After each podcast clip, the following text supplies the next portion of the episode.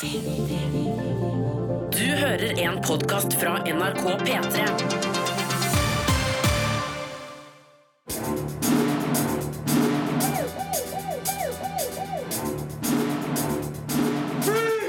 Filmpolitiet! What's your name, dude? Birger Vestmo. What kind of stupid name is that? Tenåringsdramaet Everything Everything er flere hakk for glatt, sterilt og tannløst. Det barske slåssespillet Tekken 7 gir deg adrenalinkick og såre tomler. Den nye Baywatch-filmen er et bevis på at ikke all 90-tallsnostalgi er verdt bryet. Britiske The Sense of an Ending er et sympatisk seniordrama, og animasjonsfilmen Milo månens vokter er et vakkert eventyr med stor oppfinnsomhet. Det her er filmene og spillet som anmeldes i dag. Du får òg høre om Filmpolitiets planer for årets Game of Thrones-podkast. Filmpolitiet anmelder film. This is my whole world. My nurse, my mom, my sickness. I'm 18 and I've never been outside. If I did, I would probably die. Everything Everything er en varm og myk drømmefilm med vakre mennesker og vanskelig kjærlighet som får hjertet til å smerte. Stella Megi har regissert en historie basert på Nicola Jons young adult-roman fra 2015. Dessverre formidles tematikken med en såpeseries florlette estetikk, og sklir etter hvert ut i en retning der troverdigheten er laber. Det er godt mulig at noen vil la seg rive med av glansbildekjærligheten, men Everything Everything er flere hakk for glatt, steril og tannløs. Are you on house arrest? I haven't seen you outside once since we got here. No, I'm sick. My body can't fight bacteria or infections. If I left the house, I would die. Maddie, spilt av Amandla Stenberg, har ikke vært utenfor huset på 18 år, og har nesten ingen kontakt med andre mennesker. Hun lir nemlig av alvorlig kombinert immunsvikt, som gjør at vanlige virus og bakterier er farlige for hun, men passes godt på av mora Pauline, spilt av Annika Noni Rose, som er lege. Så flytter Ollie, spilt av Nick Robinson, inn i nabohuset. Og det opprettes en kontakt mellom dem som vekker Maddys begjær og får hun til å teste grensene for hva slags kontakt hun kan ha med andre. Where would you go if you could? The ocean. The ocean. It's three miles from here, and I've never seen it. Wish I could meet you in person. Mange husker Amanda Stenberg fra den første The Hunger Games-filmen, der hun spilte lille Rue. Hun drar nytte av sin naturlige sjarm og behagelige personlighet, og spiller Maddie som en sterk og kreativ tenåring med vanlige drømmer og lyster. Nick Robinson er som en middels TV-kjekkas i rollen som Ollie, og prøver for hardt å være drømmegutt til å fremstå like naturlig som sin motspiller. I understand you're nervous. Yeah, I'm nervous. So am I. You're really different than I thought you were gonna be. Sexier, right? For målgruppa, som man kan ane er tenåringsjenta, fyller Everything Everything kanskje et tomrom på kino. Man kan le, gråte og bli litt sint, men eh, bare dersom man ignorerer det faktum at slike historier har blitt fortalt bedre før, sjøl om det sjelden er over middels godt.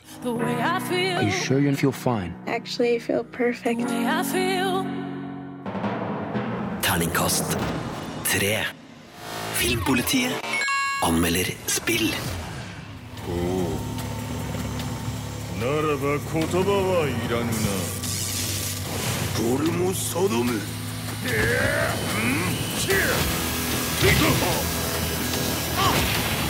な俺も定む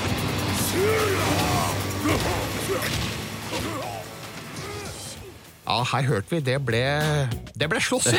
Her, her skal slåsses. Og det er ikke hvilket som helst slåssespill du nå har testa. Du har testa Tekken 7. Åh, Tekken 7. Mitt en av mine yndlingsspill, ikke bare slåssespill, yndlingsspill er Tekken 3. Ja. Nå har sjueren kommet, og jeg må si at det var en fryd. Hvorfor det? Det er, altså, det er jo hovedsakelig slåssinga, da. Ja. Eh, kanskje ikke noe overraskelse, men den er altså helt fantastisk.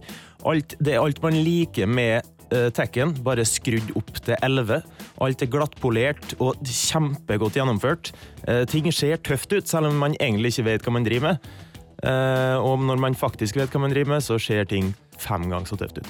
Jeg har ikke spilt Tekken siden Tekken 2 på den første PlayStation 1, eh, og den gangen i hvert fall så gjaldt det bare å trykke så fort man kunne med tomlene. Ja, Man kan fortsatt gjøre det, Ja. eh, men det lønner seg å, å sette seg litt mer inn i ting. Eh, det må kunne avsløres. Ok. Ja, Det gjorde det sikkert på Tekken 2 òg. Ja, sannsynligvis. Jeg spilte bare mot eh, sånne dårlige botter, så ja. Ja. mulig jeg fikk en del gratis der. Men eh, her gjelder det å finne de riktige komboene, ikke sant? Finn den riktige komboen, finn den figuren som passer best for deg, og, og la det stå til. Men eh, Tekken 7, er det noe historie å snakke om her? Ja, det, jo, det følger jo den eviglange sagaen om eh, tidenes mest dysfunksjonelle familie, altså Mishima-slekta, med Heihachi og Kazuya og Yin. Eh, Den, vi har jo fulgt den nå gjennom hele Tekken-serien. Ja. Eh, Og nå kommer vi til et, en slags slutt, et slags klimaks. Uh, og jeg må si at historia, Jeg er ikke noe fan av historie i slåssespill, egentlig. Nei. Men her så er det ganske bra. Ja. Men om det er liksom nostalgi eller hva det er som gjør det, det vet jeg ikke. Men ting er, det er tøft, og det er en viss uh, følelsesmessig dybde faktisk i ting. Eh, men først og fremst er det veldig tøft å slåss. Eh, ja. Tidligere Tekken-spill har jo vært sånn at eh, du kan sette deg ned og bruke et kvarter, og så er du kanskje fornøyd. Er du der på Tekken 7 også? Altså det, det eneste svakheten jeg egentlig finner, er at det er litt lite å finne på. på en Ja, måte. ja. For det er jo slåssing, da. Det er jo det det er. Det finnes noen uh, singleplayer-moduser, men de, går, de er smidd over samme lest, skulle jeg si. Og så har du muligheten til å gå online og spille mot folk som er ekstremt god eh, og bli sur. Ja. Uh, men uh, Aldri spill mot eh, folk online, de er mye flinkere enn deg. ikke spill mot folk som er bedre enn deg. Det, det har jeg lært. Uh, men vet du, alt i alt så er det, var det en fantastisk opplevelse. Altså, jeg kommer til å kose meg masse med Tekken 7 fremover. Du skal skrive en lengre anmeldelse av Tekken 7 for, eh, for nett. Det skal jeg. Eh, kommer litt senere, men eh, karakteren, den er klar Den er klar. for Tekken 7. Terningkast fem. P3. P3. Baywatch har premiere i dag. Anmeldes av Sigurd Vik. Filmpolitiet anmelder film. Welcome to Baywatch. Our team is the elite of the elite. Baywatch treffer verken nostalgifølelsen, actionhjertet eller lattermuskulaturen når Mitch Buchanan og strandgjengen går til filmen. Regissør Seth Gordon har tatt en utdatert TV-serie og oppgradert den etter enkleste Hollywood-mal. Skurken er en pregløs, slem riking, stuntene er glattpolert, grovisene er simple, og rollefigurene gjør og sier omtrent akkurat det du forventer, hele tida. You turned the canals into the goddamn X Games. Yeah, that's because we were in lifeguard pursuits. Oh, okay. My bad. Den usympatiske svømmestjerna Matt Brody, spilt av Zac Efron, må sone sin samfunnsstraff som livredder i det fantastiske Baywatch-teamet. Det liker den kjernesunne sjefen Mitch Buchanan, spilt av Dwayne The Rock Johnson, dårlig, men siden det er rekruttsesong, så får egoisten en sjanse til å bevise at han duger. Samme dag som Brody og rekruttene kommer, så oppdager Mitch en pose narkotika i sanda. Det kan bare bety smugling, og livredderne flytter raskt blikket fra vannkanten og opp mot et av byens utested. Drugs, murder, a dead body on our beach, and it all started once she took over. Som actionfilm er det her lite mer enn innsmurt muskelspill og strandakrobatikk framført i cheesy amerikansk reklamefilmestetikk. Helt i tråd med originalseriens grunne fasadefokus, men du verden det blir kjedelig når glimtet i øyet har blitt dynka med solkrem. Can you just uh, look at my boobs? I, You should look at my face. I'm trying, but it's so close to your boobs. Terningkast to. P3. Så har jeg fått to vakre herrer inn i studio, nemlig Fredrik Skaget Øyen og Sigurd Vik. Velkommen, gutter. Takk for det. Du er Tusen takk, ganske så søt sjøl, Birger. Å, hjertelig takk. Nå skulle vi hatt TV her! He! Men det skal handle om eh, ting som interesserer oss, eh, og da, da handler det om film. Hvor skal vi starte hen? Vi kan starte med at det har blitt delt ut penger i de norske filmkretser den siste tiden. Norsk Filminstitutt har vist oss hvem det er som skal få støtte både av kinofilmer, av eh, kortfilmer, dokumentarfilmer og spill, men det er spesielt da én kinofilm som har fanga vår interesse. Det er nemlig sånn at uh, en film som heter Montebello, som er basert på Carpe Diems konserter i de utsolgte Spektrum-konsertene, og deres fiksjonsunivers i forbindelse med musikkvideoer og tekster de har laga på de siste skiva, så er det da uh, snakk om en film som skal komme på kino, som har fått masse støtte, og som ser veldig spennende ut. Morsomt. Det her kjenner jeg at eh, det vil jeg se, så gjerne det. Skam-Isak har nye planer, og da Vel, vi snakker jo ikke om film, Fredrik. Vi gjør ikke det. Vi skal til musikalens eh, verden. Han skal da eh, spille i musikalen Grease. Og det handler altså da om Tarjei Sandvik Mo. Jepp. Grease. Hva syns dere? Jeg syns det er spennende, og han har også da fått en rolle som jeg er veldig glad i, som er den her eh, kompisen til Danny, som heter Dewey, som eh, han skal da eh, spille.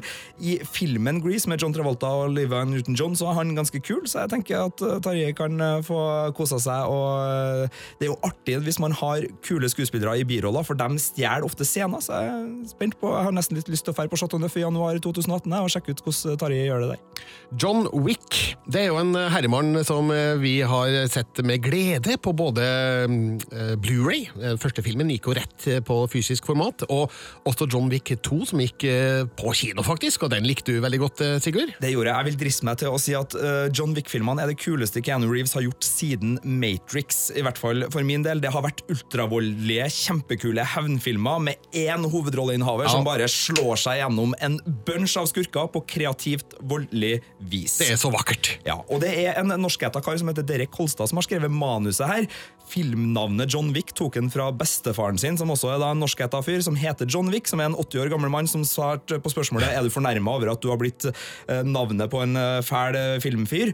Nei, nei, nei, nei, jeg er viking, så det her er kult. Men i hvert fall, gladnyheten her er jo at Derek Kolstad er med på John Wick 3. Han skal også skrive den filmen, og det er jeg så glad for, for at det er noe med å beholde den kreative krafta som gjør det potent. Det har de da klart her. Ofte så blir toere og treere skrevet av andre som bare baserer seg på suksessen til den første. Blir ofte kjedelig. Du, jeg har jo da en, en fæl innrømmelse her. Jeg har jo ikke sett John Wick 2 enda. Nei, men Det er jo bare supert, for da har du jo en knallfilm i vente, Birger. Ja, du, fortell meg, hva står vi foran nå? Vi står foran ei langhelg. Ah, det gjør vi. Kos deg.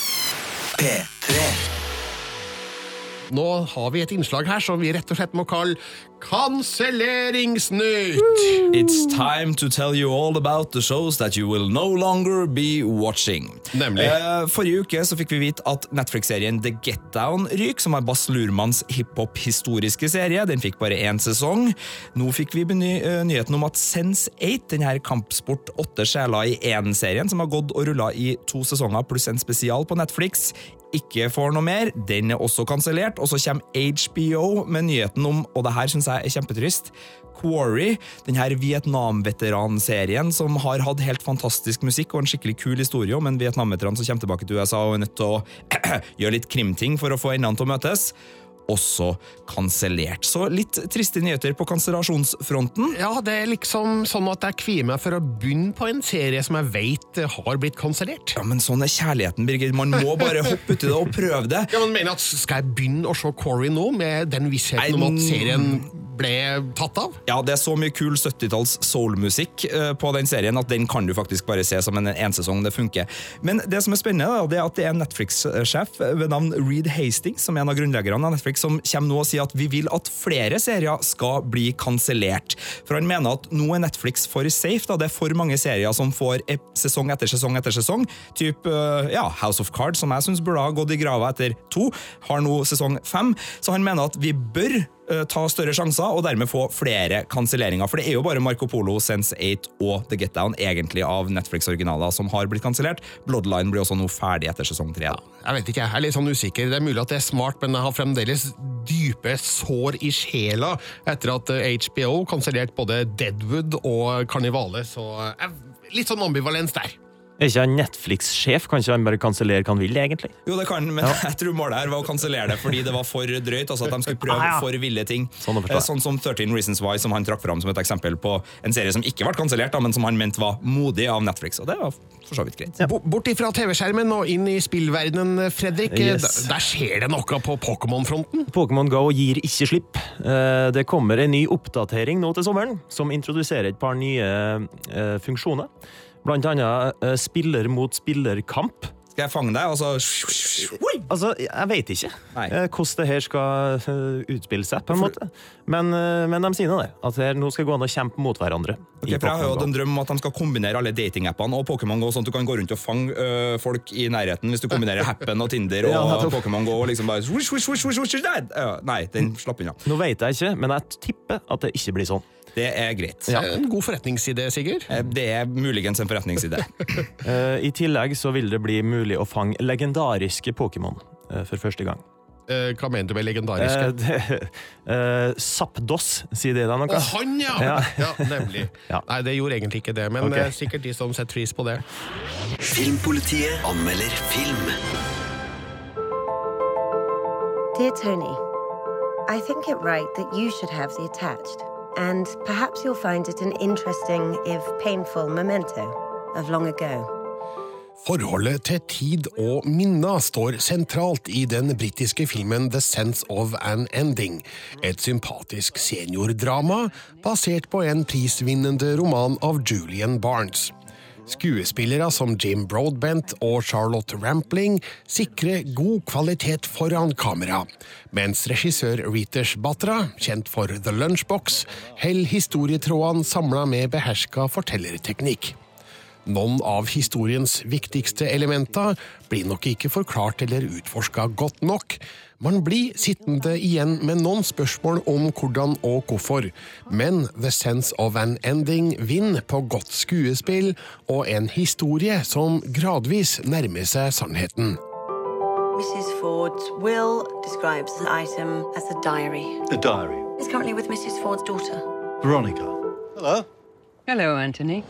Den fraskilte pensjonisten Tony Webster, spilt av Jim Broadbent, får et overraskende brev om en uventa arv. Det her fører til graving i gamle minner om ei jente han møtte i studietida på 1960-tallet. Vi får se hvordan den unge Tony, spilt av Billy Howell, møter Veronica Ford, spilt av Freya Maver, og deres forhold i grenselandet mellom vennskap og romanse, slik den gamle Tony forteller det til ekskona Margaret, spilt av Harriet Walter. Underveis dukker det opp ny informasjon og glemte minner, som gjør at Tony må revurdere både fortid og nåtid. Veronica and I were together. Boyfriend, girlfriend. Exactly, yeah. The Sense of an Ending har noen elementer der spørsmål blir hengende litt i løse lufta. Det er ikke slik at man nødvendigvis trenger forklaring på alt i en film, men det er sider ved Tonys opplevelser i studietida som med fordel kunne vært belyst sterkere. Likevel er det her en hyggelig film om å se tilbake på gammel kjærlighet og vennskap. Det man finner, er ikke nødvendigvis det man forventer, akkurat som i det virkelige liv. Derfor er The Sense of an Ending et stille britisk drama av god kvalitet. What you end up remembering isn't always what you actually witnessed. It was an accident. Legally, yes. Morally, no. So what were you doing there? We may never know the truth. Terningkast fire. Filmpolitiet anmelder film. Milo, du er den nye månevokteren. Au! Hva? Ham? Milo, månens vokter, er en fransk animasjonsfilm som forsøker å nærme seg den øverste divisjonen, og er svært nær ved å lykkes. Det her er nemlig et vakkert eventyr med stor oppfinnsomhet, et rikt galleri av figurer og god norsk dubbing. Det som trekker ned, er en mindre detaljrik animasjon og en historie uten dypere lag enn det de aller ypperste kan prestere. Milo månens vokter er likevel en drømmende film der fantasien får fritt spillerom og vil være en flott opplevelse for yngre barn. Du, jeg tror at noen har tatt feil. Jeg er mørkeredd. Jeg syns stjernene ser helt like ut. Jeg blander skumring og daggry. Jeg er grusom til å synge, så Månens vokter Det her eventyret foregår på en planet der både sola og månen trekkes rundt av store tempelvesener. Tida har endelig kommet for et vaktbytte, og ved et uhell blir den lille faunen Milo utpekt som månens vokter. Både han og den nye solvokteren, Solar, gjør innledende tabber, som gjør at den underjordiske demonen Akros ser sitt snitt til å stjele sola. Det gjør at verden blir mørk og månen visner. Nå må Milo, Solar og voksjenta Glimt legge ut på en farlig ferd for å få sola tilbake. Ah, en fan. Kom du hit for å se helten din i action, snuppa? Oh, wow. Solen! Noen har stjålet solen! Hæ? Hva? Uh, Straks tilbake. Milo månens vokter er produsert av de som sto bak Den lille prinsen, som òg imponerte med stor fantasirikdom og solid animasjon. Milo spiller kanskje ikke på like mange strenger, men fører oss inn i en frisk eventyrverden som på mange måter kan være inspirert av Hayao Miyazakis filmer. Her er det meste mulig, og både figurer og landskap bærer preg av en stor idérikdom. Nydelige bilder i breiformat gjør at filmen virkelig skinner på kino. Så sjøl om detaljrikdommen i animasjonen og nyansene i historiefortellinga ikke er helt i toppklasse, er det likevel lett å gi Milo månens vokter en trygg anbefaling. Fort deg, Solar. Uten lyset fra solen vil månen blekne og kanskje slukne helt. Bare slapp av, jeg fikser det. Jeg skal få tilbake den sola. Terningkast fire. Les mer om film, spill og serier på p3.no Filmpolitiet. Filmpolitiet hver fredag fra 11 til 1 på P3. Filmpolitiets Game of Thrones-podkast. When you play the Game of Thrones, you win or you die. Ja, Filmpolitiets Game of, Pod, nei, Game of Thrones-podkast er faktisk nært forestående. Velkommen i studio, Marte Hedenstad og Sigurd Vik. Hallo! Ja, nå er det ikke lenge igjen før eh, neste sesong er på gang. Nå er det ikke det, altså. Natt til 17. juli, da skjer det. Ja. Og eh, det har jo kommet trailere og alt mulig. Altså, det skjer så masse på internett, Birger, om Game of Thrones! Og dere skal også i år, som i fjor, levere en eh, Game of Thrones-podkast etter hver episode. Men det er på tide å starte opp litt allerede nå. Ja, vi lovte folk at når den første ordentlige traileren kom, så skulle vi se på den for å uh, plukke den litt fra hverandre, komme med noen fanteorier, hive inn litt opplegg der, og diskutere den, og se hva er det egentlig vi tror kommer til å skje nå. Den kom forrige uke, så nå er vi der. Det har vært litt sånn teasere, og sånn, uh, så vi har fått en del ting, og så har det kommet noen stillbilder som gjør at vi også vet en del. Så samla nå så føler vi at vi vet nok til å spekulere, som kanskje da viser seg å være totalt feil, selvfølgelig. Eller riktig! Eller riktig. Ja. Så uh, i dag så skal rett og slett jeg og Marte starte uh, sesongen for Godtpodden til Filmpolitiet, Game of Thrones-podkasten. Det kommer ikke til å komme ukentlige episoder fra og med i dag, men vi starter nå med en liten sånn pinsestart, hvor vi får både lufta en del tankegods og aktivisert dere der ute, som kanskje da kan komme med spørsmål, fanteorier osv. Og så når det begynner å nærme seg 17. juli, da er vi nok i gang med fullscale podding, så det synger etter. Ja, og hvis du har noen spørsmål til oss nå, send det inn umiddelbart på filmpolitiet at nrk.no. Ellers gå inn på Facebooken vår, eh, facebook.com slash filmpolitiet, og eh, send oss en melding der. Vi er også på Twitter, hvis noen har lyst til å hive noe der. For at Mhm. vi begynner nå rett etter at Birger har avslutta denne Filmpolitisendinga, og det blir Kristine her på P3, så går vi rett i gang med podinnspilling. Oh yes. Jeg har et spørsmål. Mhm. Kommer den her vinteren snart, eller? Den har jo kommet nå, det har begynt å snø, Birger. Du ser de fryser, det er kaldt, de må kle på seg. Så det blir en kaldere sesong nå. Jeg spør fordi at jeg har venta på vinteren siden sesong én, og det tok litt tid. Ja, men uh, nå har jeg, har lest på nett noen som påstår, jeg husker ikke hvem, som påstår at nå, nå skal det da skje like mye i løpet av én episode som i en hel sesong Oi, oi, oi, tidligere av Game of Thrones. Eh, skal vi feste noe lit til det? Altså, det var kanskje litt å ta i, men vi så jo allerede på forrige sesong at det skjedde veldig mye mer enn tidligere. For at nå skal man jo begynne å runde av etter hvert. Det er bare to sesonger igjen, og for å komme i mål så må det skje mer ting. I tillegg til at det er jo færre episoder nå enn tidligere. Så, Og så det dør blir det jo veldig mange episo- folk i en episode av Game of Thrones, så det er klart Det det begynner å bli færre å rullere på. Så det hjelper jo veldig. Ja, eh, Dette og flere spørsmål blir reist i Filmpolitiets Game of Pod Nei, nå sa jeg det! Ja. Game of Game- Pod Thrones. Kan du ikke bare kalle det Game of Pod? Game of Thrones podkast som slippes litt senere i dag. Takk, Sigurd og Marte.